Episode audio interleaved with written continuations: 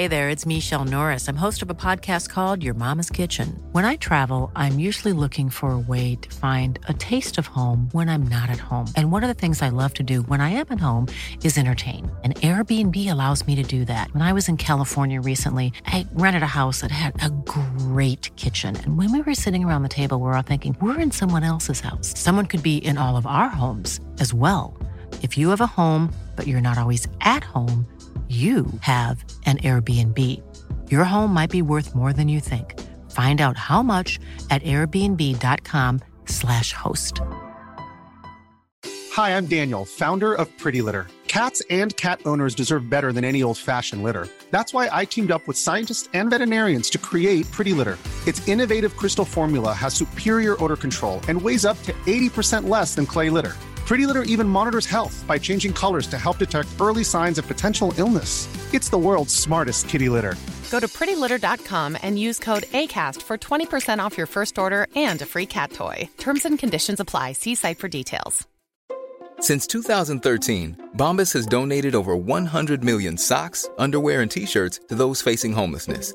If we counted those on air, this ad would last over 1,157 days. But if we counted the time it takes to make a donation possible, it would take just a few clicks. Because every time you make a purchase, Bombas donates an item to someone who needs it. Go to bombas.com slash ACAST and use code ACAST for 20% off your first purchase. That's bombas.com slash ACAST, code ACAST.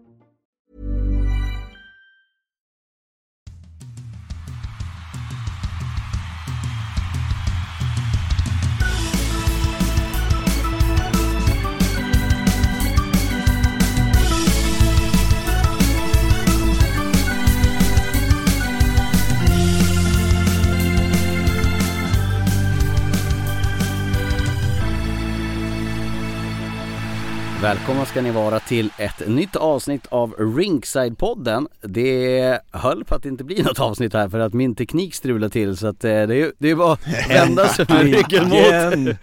Fan Fredrik har suttit och njutit här i, vad har det gått? 20 minuter? Teknikstrul deluxe på Lindberg. jag ropar inte hej förrän det är över. Nej, det, det kan väl kanske vara klokt. Eh, vad, vi går väl rakt på sak idag. Jag tänker att eh, det var en jäkla matig eh, tisdag och onsdag här hockeymässigt. Och eh, ni var ju på plats i, i Nybro igår eh, och hade av allt att döma en fin uppladdning inför matchen. Fredrik, du, du talade dig ju varm om att komma till de här små arenorna så du får väl anleda det här anförandet. Ja men, eh, det, alltså så här, det som är lite speciellt med Hockeyallsvenskan till skillnad från SHL, där är det ju Klart att det finns bättre och sämre men det, det är ungefär samma standard eh, på i stort sett alla arenor och eh, det är klass och kvalitet och det är nybyggt och det, de är ju före eh, sin tid, åtminstone före Hockeyallsvenskans tid medan Hockeyallsvenskan är större ytterligheter. Eh, det finns stora fina arenor där det är väldigt mycket folk och sen finns det de här um, lite mer klassiska hockeytrakterna eh, där man ändå får kategorisera Nybro som eh, var ju i den högsta serien som då hette eh, division 1 eh, på sent 60-tal och eh, under vårt möte där före, du var ju med Daggen, så vi, vi lånade en lokal och det rörde sig några äldre damer eh, varav en hade älgström på ryggen på en gammal snygg matchtröja som vi berömde och då berättade hon att hon var änka till Åke Älgström som en av de stora profilerna från den tiden som dessvärre hade gått bort för sju år sedan. Men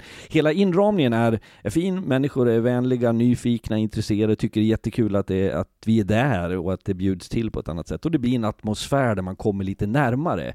Eh, och det, det gillar ju eh, Dagen, du går ju igång enormt.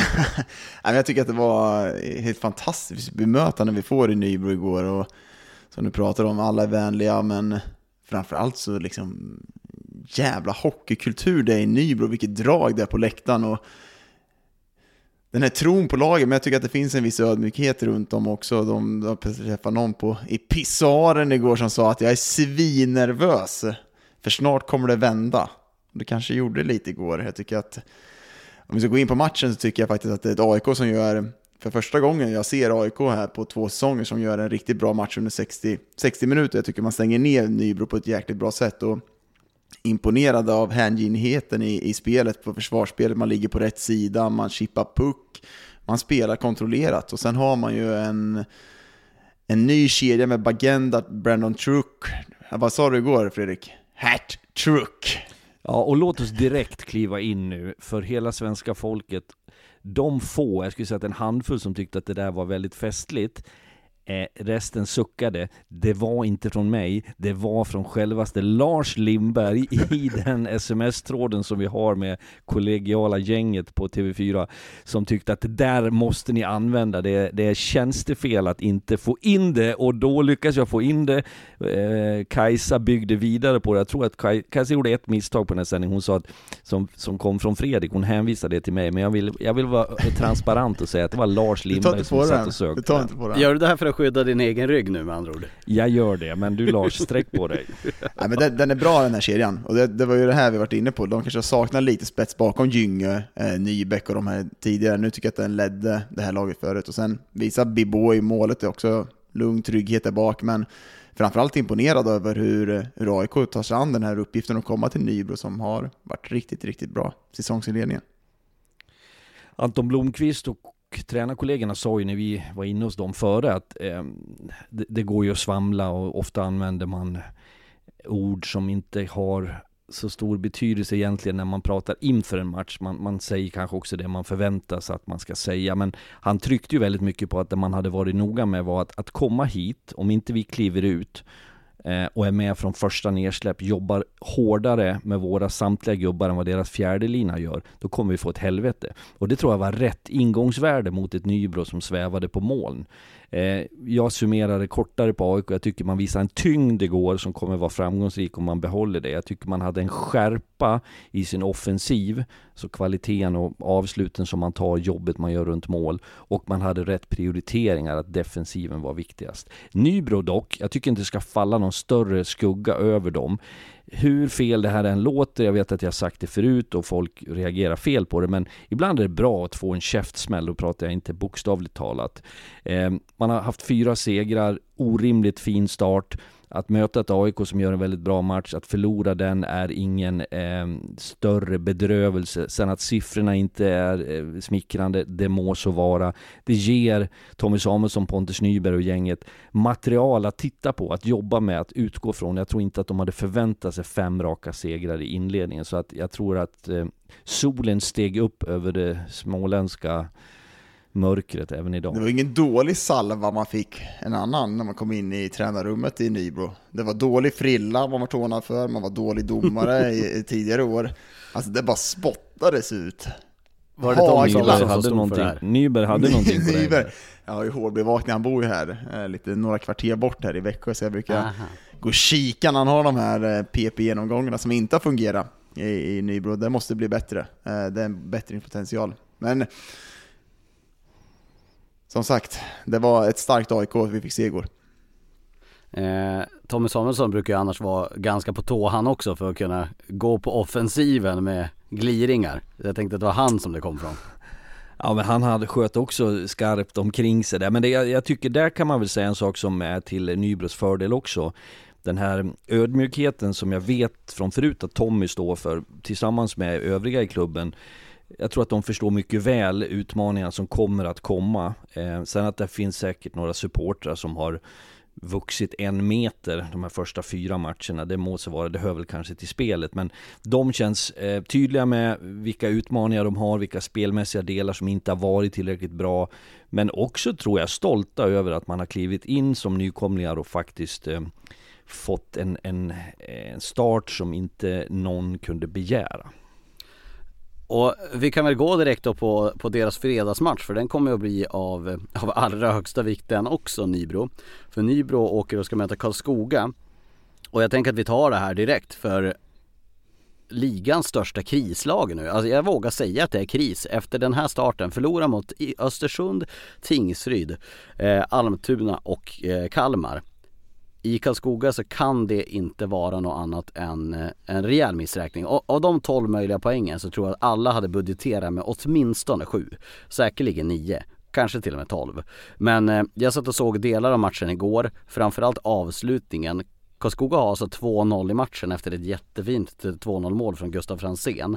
Men sen är det ju eh, alltså ungefär som man hanterar sig om man hade varit i en cirkel med en skorpion som var lös i mitten. För man ser ju på alla spelarna i Karlskoga att de vet om att vi får inte förlora den här matchen. Och ändå gör de det. Med 18 sekunder kvar så avgör Kalmar. Och det här är ju, ja, det är ju den största snackisen i Hockeyallsvenskan nu, att Karlskoga är nollade så här långt. Ja, eh, som vi sa förra veckan så har det blivit ett mardrömsschema för dem. Men jag, jag vill bara reflektera på, vi pratade förra veckan om hur Karlskoga ska uppfattas. Jag var faktiskt jävligt trött efter vi hade gjort eh, sändningen, första sändningen på Hovet senast, men det jag saknar i Karlskogas spel och det jag tycker man ska, man ska hur Karlskoga ska spela och hur man ska uppfattas, det är, jag tycker att det påminner lite om Nybros inledning här. De har skridskoåkning, man har startstopp, man täcker skott, man är hängiven till spelsystemet, man kan sväva ut lite med skills, med den här eh, individuella kvaliteterna, men du står upp för din lagkamrat, du gör jobbet varje kväll. Det finns inte just nu i Karlskoga. Det finns inte där. Jag tycker man saknar den typen av attityd, att man vill göra jobbet, man åker skridskor varje kväll. Sen har man ett mental breakdown just nu. Man har verkligen det. Man har problem att man är rädd att förlora matcher så som man ser igår. För det är inte bra i tredje perioden. Man blir väldigt, väldigt passiv i sitt sätt att spela. Och det är ett jäkla stort problem och man måste komma, för det finns kvalitet i den här truppen. Och sen har man i inledningen här nu, man har inte träffat rätt på de offensiva spelarna. Det ser ut som att man har två stycken andra femmer, man har eh, inte riktigt en fjärde kedja men Pisztek, eh, Backe Olsen, Simon André, de har varit jäkligt bra, men de är inte någon kedja som ska leda det här laget och de offensiva spelarna måste bli bättre. Men du måste få ordning på det mentala innan man kan börja gå vidare, för den är inte tillräckligt, man är inte riktigt i fas där just nu. Jag tycker att det ett, ett vanligt missförstånd när man pratar om hur lag ska uppträda och hur man ska spela är att man tänker att eh, beteendet kommer ur spelidén. För mig är det egentligen tvärtom, det vill säga ska du ha en, och låt mig kort bara säga att jag vänder mig lite grann emot när man det, det, är lätt att måla upp en bild vad man ska stå för och jag, jag, kan bli lite trött på, vi lever i en tid där det ska vara värdegrunder och det ska vara fina ord. Så kort och gott beteendet och vad du har för karaktärer.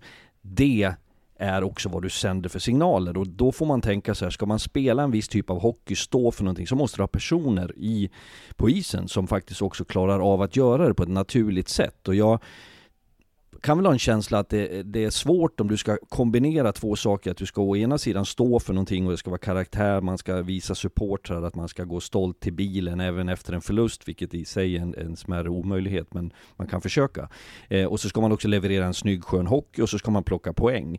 Just nu så spretar det där lite för mycket eh, hos Karlskoga och jag är inte heller helt säker på att alla de som ska leverera i Karlskoga är tillräckligt bra de har en bit kvar att bevisa det för mig.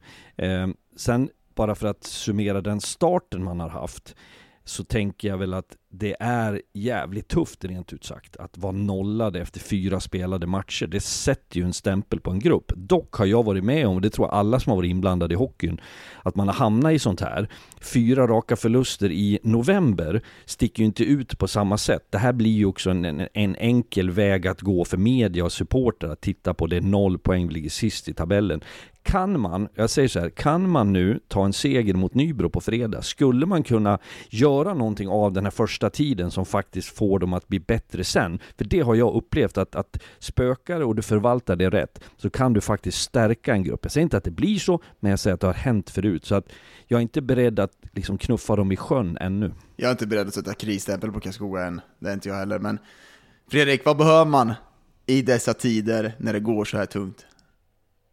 Man behöver en bärs eller två. Exakt! Om det är det du syftar på. Torsk mot Nybro så nej. behöver du fan det.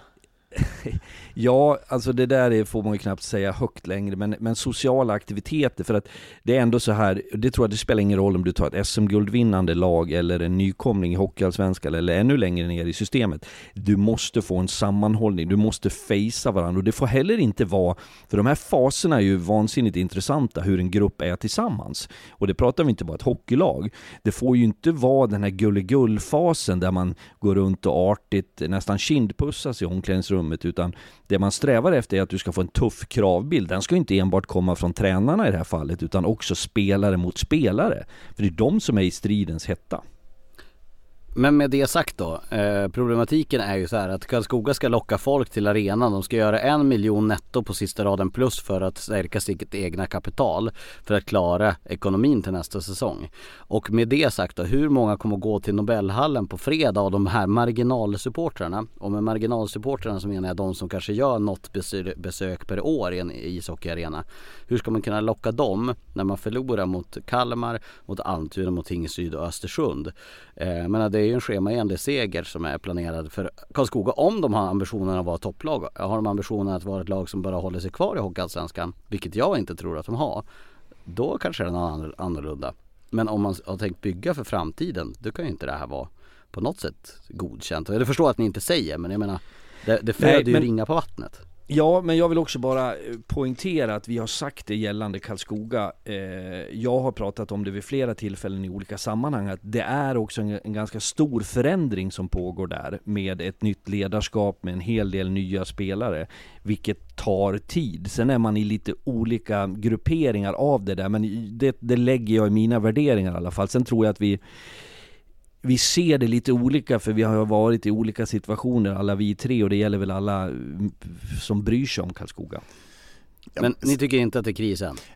Jag sätter men, en krisstämpel på det, men det är såklart att det är du, du har ju ett, ett Sportbladet-aura, Lars Lindberg. Hela du. Ja. Eh, och, och, jag förstår vad du menar, men, men det är fortfarande så här att tenderar man till att ha sådana här starter så brukar det ju, vad vi har lärt oss historiskt, så brukar det ju kosta långt in på säsongen. Det är klart som fan att det är besvärande. Mm. Jag, jag, det ska jag absolut inte förneka och det är säkert väldigt tufft för för Dennis Hall och Johan Schultz som är tränare där, för Torsten som är klubbdirre, sportchef, vad har han för? Sportchef. Han har långt visitkort. Ja, sportchef. Eh, vad heter den kvinnan numera va? Klubb? Uh, ja, nu, nu ja. ja. Vi behöver inte fastna i det, men, men för alla, för hela klubben så blir det här en utmaning, för då kommer du in på det med publik, man ska, man ska attrahera, man ska få dem, men, men någonstans kan man ju känna att det är nu fansen, om, man, om jag ska säga någonting, det är nu de ska visa som mest kärlek, när det behövs som allra mest. Ehm, det, det låter vackert att säga det, men vi har väl sett eh, vändningar förr så att eh, vi ger det lite till. Bara får jag sätta punkten från mitt perspektiv på den här att möta nu Nybro hemma, då var det någon som sa till mig efter matchen igår att ja, men det kanske är bra att möta Nybro nu när den bubblan är spräckt. Ja, men då blir jag så här, eller är det tvärtom? Nybro vann fyra, så fick han 0-6 smäll hemma mot AIK. De om några borde väl vilja åka till Karlskoga och vinna, så den där är väldigt intressant. Jag tycker, inte, jag tycker faktiskt inte prestationen från Nybro som vi var inne på innan var heller dålig igår, så de kommer säkert komma dit, har vunnit mot Karlskoga på, på bortaplan under försäsongen också, har ju ganska bra känsla. Men det är fredagsmatch i Nobelhallen, eh, jag tror nog att det kommer vara folk där ändå. Eh, och förhoppningsvis, som Fredrik säger, det, det, är nu man kan sluta upp och stå bakom laget på ett sätt och visa liksom att, man, att man är en riktig supporter eh, och visa sina känslor. Men det är såklart som fasen det inte ser tillräckligt bra ut. Och jag tror ingen i laget är nöjd med hur det ser ut och ingen supporter är nöjd med hur det ser ut och man måste börja hitta rätt i det här spelet. Men de är inte så här dåliga som de har varit inledningsvis. Det är mycket mentalt just nu de måste börja arbeta med, men de måste få igång en, offensiv i, i en första kedja där som måste gå i bräschen i varje kväll.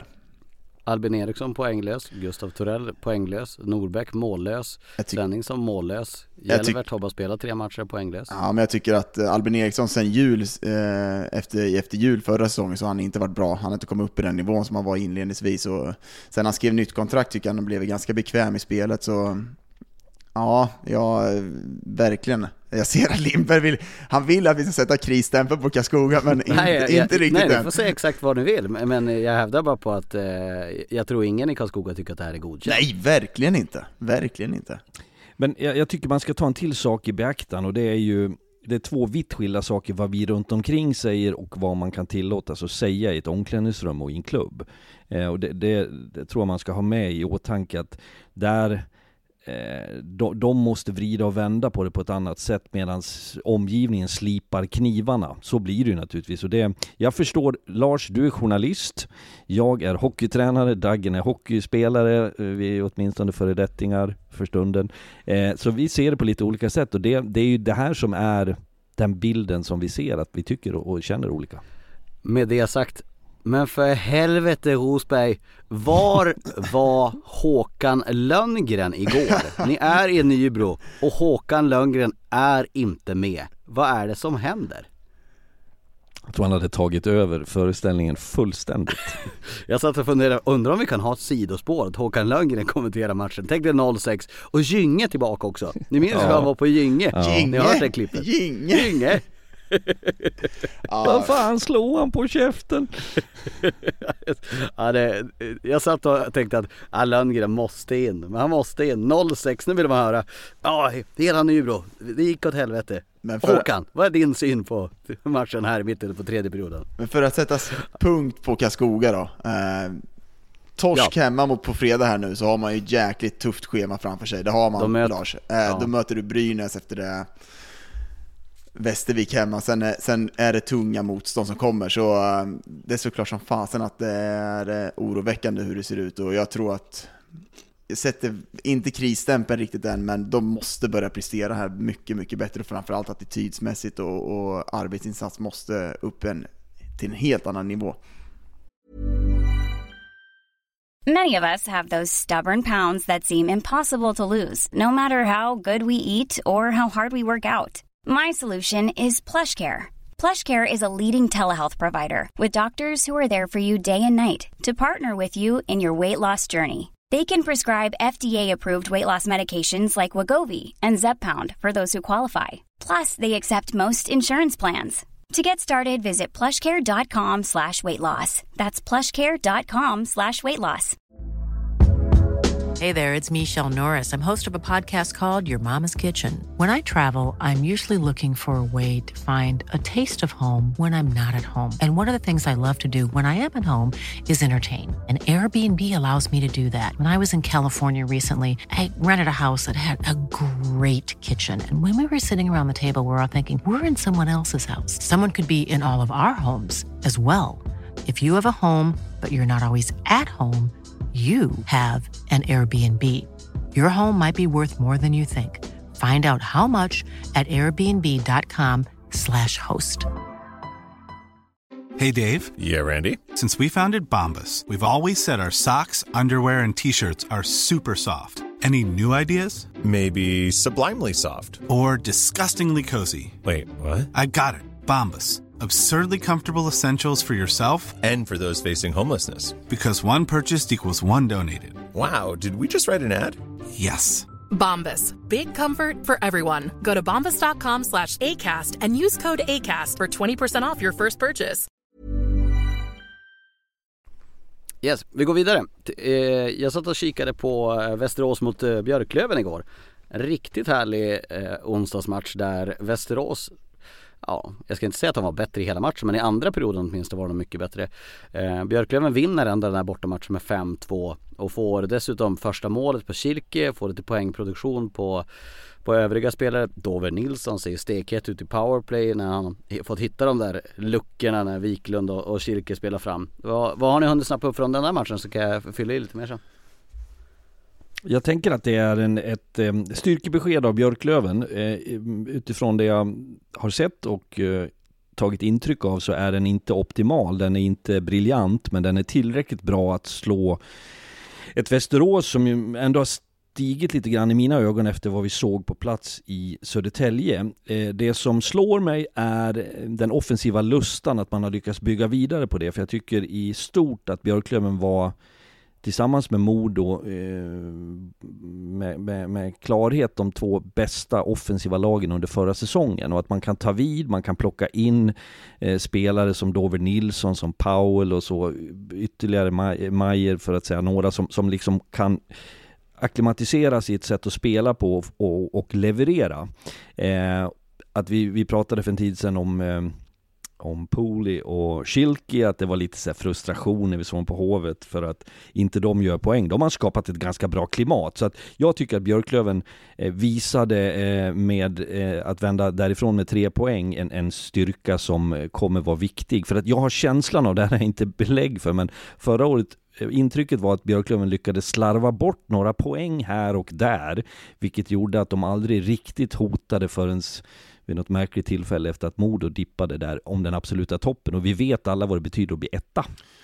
Sen tycker jag som du är inne på Lars, jag tycker man har, vi var ju ganska kritiska till deras powerplay, jag tycker när man flyttar in både, både Wiklund och Dove Nilsson där så flyttar man pucken på ett helt annat sätt. Och jag, jag gillar när man flyttar pucken bakom, när Kilki liksom tar en position liksom mer bakom mål. Eh, det gör att man får vrida på huvudena på ett helt annat sätt. Jag tycker när man spelar Powell och Kilke på varsin kant så spelar man ett paraply som gick ganska sakta och liksom ganska lättläst. Nu har man Dove Nilsson som flyttar pucken mycket, mycket snabbare och sen att man har Kilki som har de kvaliteterna bakom som gör att man, liksom, man skapar hot lite mer och det där powerplay ser faktiskt jäkligt bra och Dove Nilsson, vi pratade om att han var bra innan, men ja, så här bra, det trodde jag verkligen inte han skulle vara så här tidigt, men har ju varit ett av de bästa nyförvärven i, i Björklöven. Han, han har ju fått en tacksam roll där som, som leftskytt och stå och skjuta från den där mm. positionen. Sen 5 mot 5 spelet vet jag kanske inte om han har varit fullt lika bra, men, men han, där har han hittat en roll. Jag tror ju också att eh, den här konkurrensen som finns i Björklöven, vi ska också ha i åtanke att de hade ju eh, ganska stökigt förra säsongen med skador. Nu har det ju inte varit lika besvärligt och det här har jag sagt förut men jag upprepar mig att när man har eh, många tillgängliga så du höjer eh, vardagen, eh, trycket, utmaningarna och konkurrensen. Och powerplay, där vet jag genom alla år som tränare att spelare tyckte men jag vill veta att jag är en powerplay-spelare, man ska ge förtroende till några. Ja, fast från min horisont så är det också att, att tävla, att man ska kunna utvärdera det där. Och vi såg, ni nämner det, det var svagt någon match här i powerplayet. Man kan testa andra alternativ, det är någon som är lite småsur utanför som kommer ligga på för att faktiskt ta tillbaka sin plats. Så att det finns ju alternativ och det är ju en, en fin egenskap för ett topplag. Jag tycker att det är imponerande, alltså, det är många som skriker om att man får mycket position, eller mycket mycket spel i försvarszonen. Jag tycker ändå att man är ganska bekväma där och håller dem på utsidan. Jag tycker att det är en styrka att kunna åka ner till... Dels gjorde man på Hovet, stängde ner AIK ganska bra. Nu gör man det mot Västerås som är starka här i den här matchen och är tunga att möta, men ändå så kan man hålla dem på utsidan. Så har man det där bra powerplay som kan avgöra matcher också. Så tycker ändå att det är ett styrkebesked från Björklöven du, du var inne på det där innan vi slog på mikrofonen att, att det där är ett bra sätt att vinna bortamatcher i Hockeyallsvenskan. Att det kommer, det kommer att rendera till mycket poäng om man får till det där. Jo men just det där försvarsspelet, vi såg att Växjö vann, vann SM-guld på det förra året med att man liksom håller dem på utsidan, väldigt bekväma att ligga där. Så jag, jag tycker liksom att eh, Björklöven är ju just tillsammans med att Voutilainen är jäkligt bra i mål just nu, eh, så är man ju trygga i att ligga i försvarszon och liksom, de kan vara där Västerås. Och framförallt på bortaplan så behöver man inte ha vi såg det AIK igår mot, mot eh, Nybro gjorde det likadant. Eh, och sen så är man kliniska framåt på ett sätt som man kan avgöra matcher med den spetsen man har. Så jag tycker att det är ett sätt att göra på bortaplan, speciellt när man möter bra lag som Västerås. Ska man vara naiva och spela en glad hockey som Leffe Strömberg kan säga ibland, eh, så, så tror jag man kommer förlora sådana här matcher. Eh, noterbart, Wiklund har gjort poäng i alla fem matcher så här långt. Han är, känns ju som en helt ny, nyfunnen hockeyspelare. Och sen då Kilke sex poäng på de två senaste. Men Wiklund är det Fredrik vill prata om. Ja, låt mig komma med en sån här speciellt för podden Inside från uh. Wiklunds svärmor som bor granne med mina föräldrar. Det är ju så att eh, svärmor, svärfar är Magnus Sigge Svensson, gamla storbacken och eh, hans hustru som kallas för Pysan i folkmun i Leksand, en väldigt härlig familj där. Hon träffade på häromdagen och så sa jag, ja men kul att det går bra för svärsonen, han, är, han ser så lätt ut nu. Och då sa, eh, hade både han och hans eh, sambo då, eh, varit väldigt ivriga i sin träning och hur man lever, så nu var det slut på socker i familjen Wiklund. Och det kan jag tänka mig att det är till stor sorg för, du vet, mormödrar och farmödrar och allt vad det är, att de inte får bjussa på godis. Jag hoppas barnen är undantagna Men, där åtminstone. Man, man skändar ju mormor och farmor om, om man tackar nej till fika eller påfyllning på maten. Ja. Men varje gång jag pratar med Fredrik och varje gång vi har podd så känns det som så att det bo, vad bor i Leksand? Var, var i Leksand? Ja men alltså, det bor väl, vad bor det, 10 000 eller något sånt Jaha, hur många? 16 000 i kommunen? Ja men ändå så varje mm. gång så är det någon som känner någon, någon som är men, där. Alltså det, det känns som att det bor två miljarder. Leksand är ett unikum. Eh, skulle vi liksom cykla från eh, ena sidan till den andra så skulle det vara 200 platser där jag sa, där bor ju han just det, där bodde den här och där bor ju den och alla har någon koppling. Jag, jag pratade med Rickard Hugg om i, i lördags och då sa han ja jag var hemma hos mamma och pappa där. Jag bara, bor inte de nära Söderström i Leksand? Jo, jo, jo, de bor nästa grannar. Jag bara, som alla andra de andra ord. Så är det att leva där. Jag vill bara Men eh, flika in att- Wiklund är i gott slag. Ja verkligen. Jag vill flika in att jag hoppas att Hampus Mevold som skickade in fråga om matchrapport från Nybro AIK fick, fick svar på sin fråga om den matchen och även Sebastian Meyer som var flykade in lite grann där. Han tyckte att Nybro var ineffektiva var hans kommentar. Eh, 700 pers på plats eh, i, i Gränby ishall igår säger Dennis Åkerlind. Vad händer i Uppsala? Två grejer händer i Uppsala. Jag snappade upp en jäkligt rolig grej. Eh, Andreas Hansson, kommentator på, på TV4 ibland och eh, även reporter på, på Länstidningen i Södertälje. Han fick sin akkreditering när han gick in i Gränby ishall. Då hade vakterna sagt Hörru du grabben, du får, får lämna tillbaka den där efter annars eh, får du komma hit och skriva om varje match. Så kan du alltså, här får du frysa av dig din jävel. Jag tycker att det var skönt sagt av de där. Eh, Men, eh, Uppsala, bara för att säga det, med den eh, nya hallen. Eh, det var någon match vi var och gjorde där förra säsongen eller säsongen innan. Eh, så var det ju prat om det här. Det, det känns som att så länge jag har levt så har jag hört att det, det blir en ny arena i Uppsala. Eh, och då var det en, en äldre herre som jag tror han har stått där nere mellan båsen sedan den byggdes som tittade på mig och sa att eh, du ska veta att den här, från när den här byggdes, om det var 60-tal eller början på 70-tal, så hade de sagt att två år efter det skulle den nya, det där var en tillfällig hall. Så att han var lätt, rätt så luttrad. Eh, och det tror jag påverkar hela bilden av att det känns som att för folk i Uppsala, en studentstad, storstad, men att de går och väntar på att det ska hända någonting bara. Ja, och eh, men jag, jag tänker så här.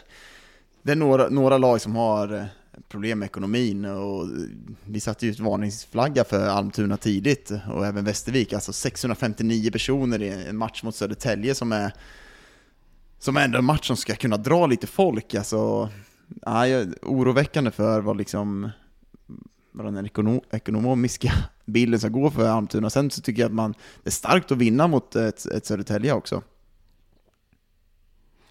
Jag känner när jag ser eh, Almtuna nu att de har vaknat till. Jag var frågande någon match i början där, men det finns lite mer av den här um, tydligheten som vi berömde så mycket förra säsongen i Almtuna, att man var eh, man vågade spela sitt spel i alla lägen mot alla lag och fick betalt på det till slut. Och det kändes som att många lag hade svårt att parera Almtunas eh, sätt att spela på. Också att det var spelare som utvecklades under resans gång. Och det, jag tror väl inte att de har någon annan plan den här säsongen så att fortfarande så skulle ju Almtuna kunna vara ett sånt lag som kan jävlas lite mer med lagen som förväntas ligga Ja, men högre upp. vad de hade, skulle sätta upp ett lag, vi gjorde det på, på eh, upptaktsträffen så fick vi sätta upp ett lag som skulle kunna utmana, och Almtuna är ett sånt.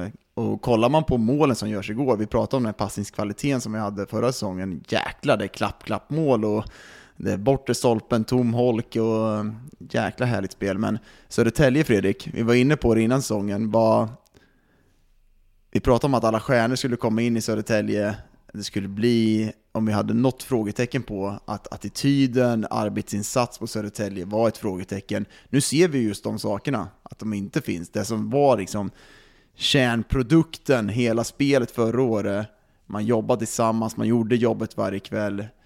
Nu ser man lite dippar på just de typerna av attitydsaker tycker jag i Södertälje. Det fanns ju risker som jag har målat upp vid några tillfällen att tar man det det, det Södertälje vi berömde med rätta förra säsongen att de var så noggranna. De hade rätt prioriteringar, det var defense first som man tjatar om många gånger som tränare.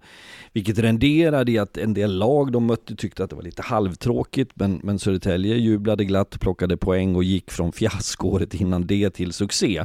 Eh, och så ska man av förklarliga skäl, tappar man några spelare som går vidare eller uppåt i systemet och som, som, som vill vidare så plockar man in eh, personligheter som jag, jag känner dem inte, eh, men karaktärer som hockeyspelare som också då ska gå i samma fotspår. Och det finns en risk att man, man går ifrån det där. Och jag, jag tror det kan vara så här, om Södertälje börjar tumma, vilket man kan ju tolka de här antydningarna som har varit nu senaste matcherna, eh, på eh, de prioriteringarna, på att liksom ha den här noggrannheten, då blir det inte samma helhet. Och jag tyckte Västeråsmatchen eh, som vi var på plats och gjorde att där inledde man ju urstarkt. Jag tyckte det fanns väldigt mycket positiva egenskaper för att sen fallera i, i period två där kanske sanningen också att Västerås var, var reste sig.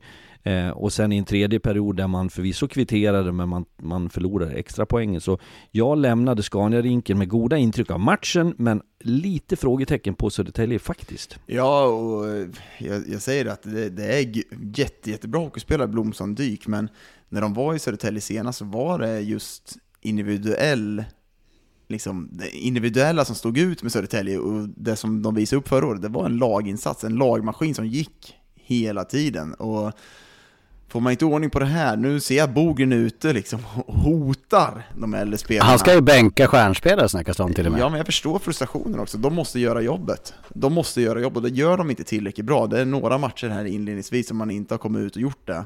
Då förstår jag också frustrationen för Bogren, för det är just det här man prioriterar i sitt spel, eh, som man har gjort bra under förra säsongen, som ledde till att man gjorde en, en av de bättre säsongerna på några år. Men det är ett jätteproblem. Jag menar Södertälje, det var ju ställa ut skridskorna läge igår. Jag såg delar av första perioden och det var ju, det var ju pinsamt liksom. Ja, och jag det, jag säger det här igen bara så att vi håller oss till en viss sanning att det, det är så mycket lättare för mig i alla fall att få intrycken på de matcherna där vi har studion ja, på plats, vi sitter med tränare, vi står mellan båsen. Jag, jag läser väldigt mycket av det, eh, hur, hur båsen ser ut och blickar och sådär. Och det, det, det, nu var ju inte jag i Uppsala utan jag var i Nybro, men eh, jag, jag reagerade bara när jag såg straffen. Jag gillar Alba, Alba som en, en liksom solid kille, men hela uppsynen på vägen fram, jag, jag fick inte se intrycket att det är go for it och det som man måste se upp med från Södertäljes sida, det får heller inte vara så, det gäller ju alla de förväntade topplagen, att man bara dukar upp när det möt, möter de andra större namnen och när det är 4000, 5000, 6000 på läktarna. Konsten för att vara det där laget som går långt och framförallt att, att landa etta, det är ju att plocka poäng eh, varje gång du, du, du spelmässigt ska klara av det. Mm. Och det, det kommer att bli en problematik det där. Men nu såg jag att de kastade om lite i kedjorna där också. Vi får följa det framöver. Men Södertälje är fortfarande jag menar de gjorde jättebra första period mot uh, Västerås som du var inne på Fredrik och där fanns det ju grejer som ni gillade i den där så det är väl ingen, det är väl ingen fara på himlen än så länge men det är klart det börjar ju... Ingen ko på isen. Jag har aldrig förstått riktigt det uttrycket. Nej den är ju märklig. Eh, att det spricker då kanske, ja. Ska vi gå vidare till eh, Djurgården mot Mora där då? Mora hade ju fått eh, en rejäl överkörning i fredags där Brynäs vann med hela 7-1. Nu åker man till Hovet, nollar Djurgården med, med 4-0. Johan Persson får göra mål, eh, Ljunggren får spela fram, sätta i tom kasse och ja, mycket frågetecken på Djurgården efter den där matchen, en del utropstecken på Mora. Kort känsla från min sida på de två lagen är att eh, Djurgårdens turné till Småland, där man valde att se det så här. Vi lyckades sno extra poängen mot Västervik och Tingsryd. Eh, i, för, I mitt resonemang så är inte det tillräckligt bra om man vill vara eh, liksom, topp tre-lag. Jag, jag, tycker att då ska man kunna åka ner, lite det AIK gjorde mot Nybro. Att man åker ner och är sådär kraftfulla från start, det fanns något i blicken, man, man, man är effektiva, man är kliniska, man tar tre poäng. Det gör man inte, sen vänder man hem då Eh, och så kommer ett Mora som vi har efter, eller, funderat lite grann över. De har blandat bra med sämre eh, och gör ju då utifrån siffror och resultat så att säga en jättebra match. Jag tycker att när man ser målen som görs där så är det med, det finns hög intensitet i spelet, det är rätt gubbar som levererar. Den här Jetman har ju varit så här långt bra tycker jag, bryter lite mönster i spelet. Så att för Moras del så tror jag att det var väldigt värdefulla tre poäng moraliskt men också bekräftelse på att man har någonting spännande på gång. Sen ska man ju komma ihåg att eh, liksom Djurgården har alltså Ytterell, Odelius, Axel Andersson på skadelistan, det är alltså tre av ordinarie backar borta. Det är såklart som fasen att det svider för dem, men Alltså, jag säger så här, åker man ner till Tingsryd och Västervik, jag tänker att prestationen ska inte, det behöver inte vara på topp, tänker jag. Alltså man ska bara vinna matcherna. Eh, sen så tänkte jag då, sen så, så, har man den här prestationen mot Mora som är direkt undermålig tycker jag faktiskt. Och man har precis de problemen som man hade förra året i försvarszon, man, uppspelsfasen ser väldigt långsam ut, man kladdar mycket med pucken. Däremot tycker jag att Mora gör det bra. Jag tycker att när Mora har de här dagarna man träffar rätt på de här spelarna, jag tycker att den här norska kedjan med Brandsen Nyg och Petter Westerheim ser jätteintressant ut. man har ett jäkla roligt spel, Mora, när man vaknar på den här sidan och man åker till, till Hovet och har allt att vinna. Eh, då är de jäkligt svårspelade. Och sen när Persson Ljunggren är liksom i, i toppslag, då är de ju... Helvete vad bra de är i powerplay alltså. Alltså Ljunggren står alltså måttar till Persson där. Till vänster igår, såg du det? Till vänster. Till vänster igår, ja. och sen tycker jag Petrus faktiskt passar in bra i det där powerplayet. Han flyttar pucken väldigt bra. Eh, Så de, de, de, ser bra ut när de är bra. Sen fortfarande har jag svårt att värdera Mora, vart de är lite, för de blandar och ger väldigt mycket. Låt mig då bara komma med den där påminnelsen som vi har sagt allihopa att det är Förvisso är det fyra, fem, sex matcher spelade beroende Exakt. på vilka lag vi pratar om Men att, att vi ska upp på tiotalet matcher innan, Mm. innan jag tror att man kan landa i slutsatser Men det är klart, de här indikationerna vi ser nu är ju jättespännande Det gäller ju både lagen eh, men också enskilda spelare Jag trodde du säger att snart kommer måltorkan. Johan Persson, vi ska, vi ska bara fortsätta med det där hela säsongen. Ja, det, då kommer han smä, smälla in 30 igen. Men du, fick, vi fick en fråga från Jörgen 1980, han kallar sig JJ, så jag vill att ni refererar till JJ när ni svarar. att eh, era tankar om att KG tycker det är okej att betala en bra bit över en miljon kronor Eh, 100 000 kronor i månaden måste ju stå där. Eh, för en spelare som inte ens tränat med DIF, för att ha kastat pengar rakt ner i sjön. Borde ju mer eko i media, denna vanskötsel av Djurgården. Och då ska vi säga att vi vet ju inte fakta exakt vad det är som KG betalar för, för eh, Killing. Men det är ju noterbart att både Ludvig Hedström, Falk och Killing eh, utanför laget och inte önskvärda trots att Djurgården då bara har tre ordinarie backar till spel igår. Det där är nog mer komplext än vad man tror. Jag kan ju förstå JJs känsla om man sympatiserar med Djurgården att vad fasken ska man kasta pengar i sjön.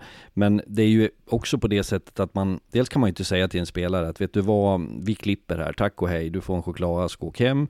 Sitter man med ett avtal så är det det som gäller. Sen kan man ju då välja att är det någon du av olika skäl inte vill ha i din grupp och i ditt lag så vill du heller inte ha dem där och då blir det ju den där märkliga situationen att du sitter och betalar för någon som vars agent säkert driver på från ett annat håll. Men det, det, det kan ju absolut inte vara optimalt på något sätt. Och om jag tolkar det rätt utan att veta siffrorna för Djurgården så, så var det ju tuffa tider, vilket man gick ut med efter säsongen. Och det är kostsamt att vara i Hockeyallsvenskan och satsa uppåt. Så att då behöver man ju använda varje krona till någon som faktiskt är på isen. Så där behöver väl Djurgården för sin egen skull gissa jag hitta någon slags lösning. Och jag förstår JJs oro, såklart att man trodde att man skulle bli av med de här spelarna tidigare. Alltså Killing kostar ju såklart mycket för Djurgården och man måste bli av med den löneposten. Nu har man inte träffat rätt på nyförvärv som Magwood, eh, man, Gradin kanske inte rosar marknaden som man trodde. Sen kan jag inte förstå om man trodde att Magwood skulle vara den spelaren. Man tar han från tyska andra ligan och han skulle dominera i Hockeysvenskan, det, det hade jag svårt att se. Men de måste ju börja få igång en offensiv här också. Eh, den har ju inte heller fungerat och jag tycker inte man har hittat den där kemin i kedjorna man har letat efter lite. Så det finns mycket frågetecken runt, eh, runt Djurgården faktiskt inledningsvis. Jag, jag tyckte man såg så bra ut i premiären eh, med allting, eh, men sen så har man tappat det lite när man var på den här Smålandsturnén och sen igår tyckte jag att det var riktigt, riktigt dåligt. Ja, eh, det känns som att det var lite samla, samlade åsikter om den här matchen. Men det är klart att det är ett jätteproblem att Gradin, vad gjorde han, 25-27 mål eller någonting. Han, dryga 20 i alla fall med en bra, bra marginal i fjol. Han har inte gjort mål eller poäng än. Brodin har inte kommit igång. Behöver ju få det där att synka. Nu ska vi följa Djurgården på, på fredag här i Östersund. Det blir spännande att se vad, vad de kan hitta på. Och, och eh, för ett år sedan, ganska precis Jag gjorde eh, inte så ni Östersund då? Jo, Ja. det var väl första on-site som man säger, så studio på plats tror jag då Yes. Östersund-Djurgården Som Östersund vann, var det overtime Lars? Du har bättre minne än vad jag har De vann 2-1. Bobo Pettersson avgjorde. Just det! Men det var inte Bobo första omgången på eh, on- on-site, för första var AIK, eh, det var Östersund AIK, utan första för, eh, Ah, den här var senare för Garpenlöv Har hade du tagit helt- över. Mm. Ja, du har helt rätt. Jag är ute och cyklar där. Eh, det jag ville koppla det till eh, funkar ändå. Ja. Att eh, för Djurgården att komma hit nu, för, för Östersund har vi inte kommit in på ännu. Vi kommer men, dit. Men, ja, och då väntar jag med, eh, då ger vi en cliffhanger. lite reklam, lite reklam först. Ja, ja, ja. Vi slänger in en liten runda här, det är ju populärt. Nej men Vem vad, slänger in reklam förresten? du det är inte jag, det är någon annan. Så det får arga mejl, skicka dem till eh, f.soderström77 Ja, det var ju som när Lars skulle förklara vad felet var med hans eh, inspelningsapparater. Du, du behöver inte förklara, säg bara att det inte funkar till oss två Det funkar idioter. eller det funkar inte, det finns bara två lägen. Du behöver inte veta. Nej, så mycket teknikstrul som jag har haft i den här podden har jag aldrig någonsin haft. Men, Men jag tycker, jag, att, bara, jag tycker att det var tråkigt, apropå gårdagen. Eh, jag tycker att min bilkörning igår, Fredrik, den har inte ens fått hört något om. Ja, vi, jag avbröt ju min tänkta tågresa hela vägen till Nybro med att eh, luncha med Daggen i Växjö eh, och åkte sen då bil från Växjö till Nybro och eh, vi har ju pratat om det förr, Eh, du är ju ganska självgod när det kommer till din bilkörning. Inte Jag lite inte, och, och det har varit, jag har sett bra stunder. Hade vi inte en, en, eh, nyligen också till Södertälje va? Eller var var vi någonstans när Det du, var ju i fjol i slutspelet. Ja, men vi, vi Ja, det hade en i Stockholm. du- Du... berömde min i Stockholmsresan där Ja, också. det var ju till ja. upptakten. Ja, ja, men och då var det modet och du, du kommer ihåg att du gjorde något kriminellt där, du låg i fel fil och sådär.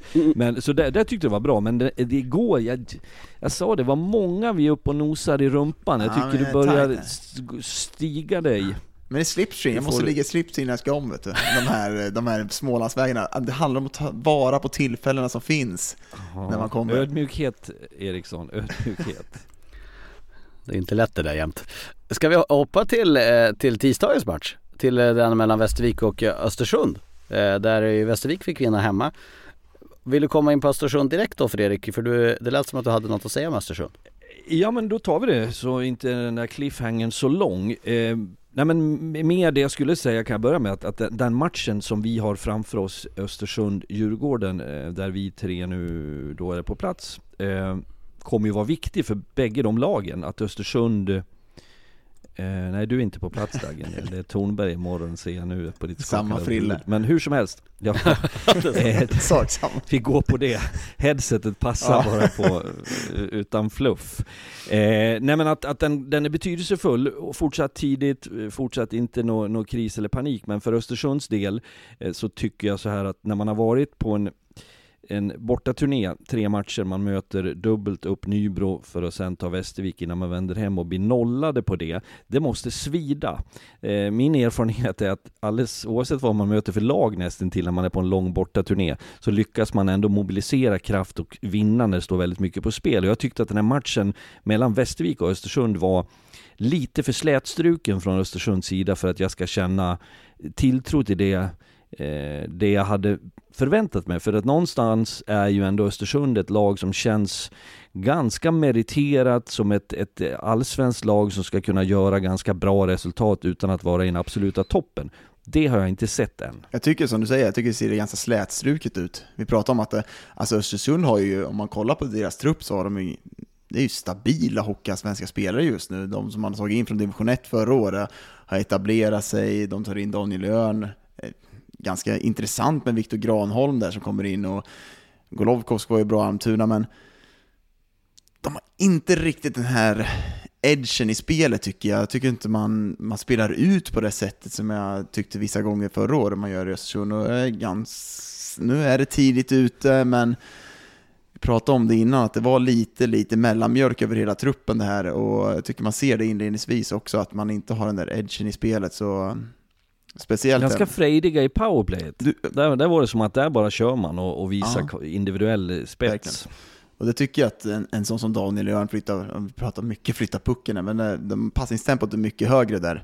Eh, däremot i 5 mot 5 så tycker jag man släpper till försvarsspelet många gånger, man ligger på fel sida, man går bort sig högt upp i banan, gör att eh, Västervik i den här matchen liksom kan flyta igenom och då, då ska jag säga att då tycker jag inte Västervik är så pass bra heller. Eh, så det var en, det var en tuff bortaresa här, får vi se hur man lyfter sig mot Djurgården. Men Viktigt att få igång lite produktion från lagkapten Anton Svensson. Mm. Ja, för de hade ju en jävla, jag ska inte svära så mycket som jag håller på med, jag gör inte det normalt sett, inte varför jag är så avslappnad mer. Men de hade ju en väldigt tuff eh, turné i dina hemtrakter Lars. Eh, där man fick på 1-12. käften. Ja, Eh, och jag såg mer av match två där eh, när vi var lediga och eh, då tyckte jag att man stretade emot i första perioden på ett bättre sätt vilket känns naturligt när du har fått en ordentlig duvning i mötet före. Men, men sen orkar man inte, man klarar inte av det helt enkelt och det är förvisso ett Björklöven som är bra men eh, det här Västervik är ju ett av lagen som kommer att få slåss på så många sätt. Det är tuffa förutsättningar på många, många sätt och vis men det finns ändå spännande spelare som, som skulle kunna ta, eh, ta, ta för sig mer. Det var ju jätteviktigt att Anton Svensson fick börja leverera också. Alltså han ska ju poäng i det här laget, så att han fick dunka in eh, på lite individuella misstag från Östersund, men fortfarande att han gör poäng, jätteviktigt för självförtroendet. Vad, vad tar vi oss eh, an härnäst då? Jag menar Östersund, som du säger Aggen, det är ändå intressant. Jag menar, år två, jag tänker mig att eh, planen borde väl vara att etablera sig i Hockeyallsvenskan nu. Nu har man ju verkligen lastat in med meriterade namn i den här ligan. Ingeman in, du var inne på det, Benker, det är Daniel Örn och så vidare och så vidare. Vad, vad tror ni om, om Östersund? Tror att de har målsättningen redan nu att säga, ja men nu ska vi vara ett mittenlag. Är det här fortfarande överleva som gäller? Jag vet inte riktigt. Vi kommer att ha Källa, eh, tidigare tränare, nu är väl han klubbdirektör. Eh, Eh, Eh, för Östersund som gäst i en paus eh, på fredagskvällen vet jag. Intressant att resonera lite grann vilken, vilken väg man tänker ta. Men eh, det som jag ser lite grann på, bara för att säga det också, på det här laget och namnen som du nämner Lars, jag håller med om att det är ju, det är ju sådana här allsvenska spelare som skulle kunna vara i stort sett var som helst. Men det får inte vara, det måste bli en tydlighet i vem som är nummer ett, vem är nummer två, vem är nummer tre och så vidare. För att du ska få den skärpan i spelet för ett lag och, och det har jag inte riktigt sett än. Då kan ju de här som, som vi pratar om, de är ju bra, men det, de måste också sticka ut och det, det hade jag kanske trott skulle vara ett kliv till men andra året, är det så enkelt då? Är det andra året som är svårare möjligen? Men jag, jag... Det brukar väl vara det? Jo, alltså ja. det är väl lätt att man slänger med dem, att man kan leva på någon typ av entusiasm i första året såklart och, och ser vi oftast att nykomlingar kan flyga lite i början men det, det eftersöker lite i Östersund, jag eftersöker någon slags av tydlighet i spelet. Vad, vad ska man stå för den här säsongen? Vad, vad är det för något eh, lag man ska visa upp varje kväll? Jag tycker att man som sagt, försvarsmässigt ser ganska dåliga ut, just man släpper till mycket chanser, man bjuder på mycket. Eh, hur ska man spela? Jag ser inte liksom någon struktur i deras spel som man liksom kan ta ut. Och det, det tror jag kommer bli ett problem, framförallt när man har så många spelare som kan vara på den här nivån. Men man, man måste ha en spets också framåt, så det är mycket frågetecken runt Östersund. Jag tänker så här. Vi har spelat, eh, det är olika, väldigt många olika. Vissa har spelat tre matcher, vissa har spelat fyra, vissa har spelat fem. Eh, men några nyfikna grejer utan att, eh, som ni säger, vi ska inte så här summera någonting. Men, men jag tycker det är en intressant start här som vi kan dra lite tankar kring. Brandon Trook fick ni ju se mycket av igår. Han gjorde ju hattrook igår. men nog om det. Vad säger ni där? Är det liksom den här målskytten som AIK saknar? Om vi ska bara gå in på lite spelare som har utmärkt sig här i, i inledningen. För han, han har ju ändå producerat i många matcher nu. Jag kastade ju daggen åt hajarna i efterstudion igår med, med värme ska sägas. Men eh, vet att du sa, det var nog när vi var på Hovet så drog den parallell till Mats Sundin. Du sa naturligtvis inte att han var lika bra som Mats Sundin, men jag, jag förstår mycket väl vad du menar. Han har den där storleken, jag tycker han för sig lite grann. Och är det på tredje eller fjärde målet igår när han viker in och kommer nära, lägger mm. upp den backhand, så är det ju sådana god saker som vi kunde se från Sundin eh, en gång i tiden. Men jag tycker han har förutsättningarna. Vi hade han som profil inför matchen AIK-Löven, just den här att det känns som att han är plockad från en, en, en den övre hyllan. Bra ålder, knappt 30, storleken, rightare, det finns en satt, han satt väldigt nära mig mellan båsen där igår och det blir att man liksom tittar på det men jag tycker han utstrålar någon beslutsamhet också så att han har väl eh, absolut, och det tror jag är så viktigt för AIK att, att, att spetsarna eh, tar för sig. Sen är ju det, det jag gillar med han skapar ju han skapar ju allt på egen hand också. Han har inte behov av att Kontos är bra i en match. Han skapar det på grund av sin styrka, sin skridskoåkning och det är någon, någon gång han går, i, han går emellan två stycken backar igår i Nybro och bara liksom vräker sig fram och liksom den här att han vill ta pucken mot mål hela tiden och liksom kommer fram där och skapar de här lägena, det gör att han, han jag tror att han kommer vara högt upp i poängligan just för att han gör det på egen hand oftast. Nu, quizfråga här. Fredrik, eh, du var inte med. Du kom in, eh, efter det att jag och Daggen hade surrat lite grann här. Vet du vem som leder Hockeyallsvenskans assistliga nu efter fyra, tre eller fem matcher? Ja, men jag vet att eh, min favorit Kalifatides är ju i poängtopp, men jag vet inte om han har inte gjort flest assist då. Theo-? Charidis. Ja, så då är det inte han eftersom inte ni responderar assistligan. Det är ett oväntat namn att leda assistligan kan vi säga. Ja. Det är alltså Rickard Gynge. Ja det är det. Ja, Ja, det Rickard har sex ass. eh, Konstantin Komarek har gjort lika många ska vi säga och, och fler poäng. Men eh, Till, sex till, ass, Håkan, till Håkan Lundgrens stora förtret och lycka kanske på samma gång. en mer anledning att Håkan Lundgren skulle ha varit med igår. Men så får det vara. Ja, jag tycker bara det var lite intressant. En annan grej som jag tycker är kul. Det här kommer inte heller att hålla eh, på sikt. Men Almtuna har alltså över 50% eller de har 50% i powerplay. Och Elliot Ekmark ligger tvåa i, trea i skytteligan. Som jag harvar runt lite grann. Det, det som är bra med det, det var väl samma Västerås hade väl 62,5% inför matchen mot Ja. Björklöven i powerplay. Det kan man ju räkna ut med arslet att det eh, faller med tiden såklart. Men eh, det är ju de här bekräftelserna på att vi kan vara spetsiga, för så jobbar man mycket inom lagen i en start, att du tar med dig, som AIK tar med sig matchen mot Nybro, som eh, Djurgården tar med sig att man snor tillbaka den mot Björklöven i första, att det finns moment eh, och erfarenheter som är viktiga och där är det väl bra för Almtuna då. Mm. Vi har inte pratat om något om Brynäs i veckan men det är ju för att Brynäs eh, spelade i fredags och de spelar först eh, eh lördag eh, blir det när de spelar match. Men jäkla imponerande får man väl ändå säga 7-1 hemma mot Mora. Mm. Mm. Nej, men de, de, de övertygar i säsongsinledningen. Jag tycker inte det finns... Nu, nu vi pratade om förra, förra veckan att Johan Larsson ska in, eh, de ska in med... eh, Nu jag. Eh, Greg Scott. Greg, Greg Scott där. Så, nej men de, de ser jättebra ut. Jag tycker att det, det är väl det laget som har övertygat mest på mig. Och de förväntningar vi hade på Brynäs har ju verkligen levt upp. Så det finns, det finns bara... De, de har övertygat, helt klart.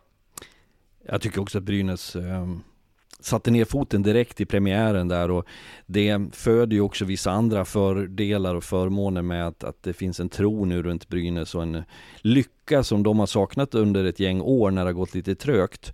Eh, Sen är ju jag en skeptiker av eh, naturen för att jag, jag vet också att det blir svängningar och hävdar fortfarande att det kommer komma faser för, för Brynäs där man eh, inte har samma och det kan ju också göra med vad man har för motstånd. Jag, jag ser verkligen fram emot matcher där, där Brynäs besöker Umeå till exempel eller ska till Södertälje eller 18 oktober, Brynäs ja. Djurgården.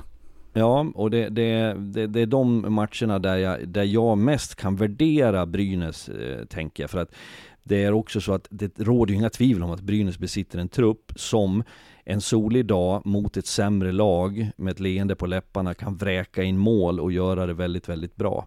Eh, men i det stora, på det stora hela, det Brynäs har, har visat, eh, ger mig känslan av det jag såg med HV71 för två säsonger sedan. Mm. Det- det ska bli jäkligt spännande att följa, följa det här Brynäs-laget för det som sagt, det kommer ju in än mer sprängkraft och det har ju säkert inte värvats färdigt heller. Eh, något annat att tillägga grabbar? Annars tänker jag att jag, jag ska börja rulla mot eh, Medelpad. Ja, vad, vad, Du vad? ska jobba Timrå du. Timrå ikväll, Timrå mot eh, Färjestad. Timrå har ju alltså, nu läste jag nu att de verkar ha en ny finsk back som Kimmo Kapanen har hittat här. Med och eh, Johan Svensson har varit och avslöjat. Så jag ska läsa lite om det. Men de har ju borta ett gäng backar. Tim Eriksson skadad, Elmer Eronen skadad eh, och dessutom, nu måste jag tänka, Didrik Strömberg. Så det är ju rejält frågetecken och då har eh, Färjestad 11 raka på Timrå redan innan det här. Så det, det luktar ju tvåa på oddset men det kanske dock Timrå skräller. Jag tror inte vi ska eh, tippa någon av oss. Eh, jag, jag slutar med det faktiskt efter, eh, jag hade en känsla av att AIK skulle åka och vara ha tufft i, i Nybro igår, men jag tycker att man stängde ner dem på ett bra sätt. Jag hade en känsla av att man kanske inte skulle komma upp i den nivån, men alltså jag, jag håller käften just nu med att tippa. Det, glä, det glädjer många. Men det gör du inte när du kör bil. Då är då käften jävlar igång. Där är jag, där, fan, där är jag bra alltså. Emil Georgsson, eh, sportchef i Södertälje sa ju det att han vill att vi ska vara lite mer ovänner i podden. Ja, han har ju, han har ju träffat rätt det för- på, Hur gick det för United i veckan? Nej, vi, det kan, det, ta inte ens upp det för det bara kokar i mig när jag ser det skiten alltså. Helvete vilken, väl, vilken jävla dålig skött förening alltså. Det är, det är piss rakt igenom. Ja. Det är det.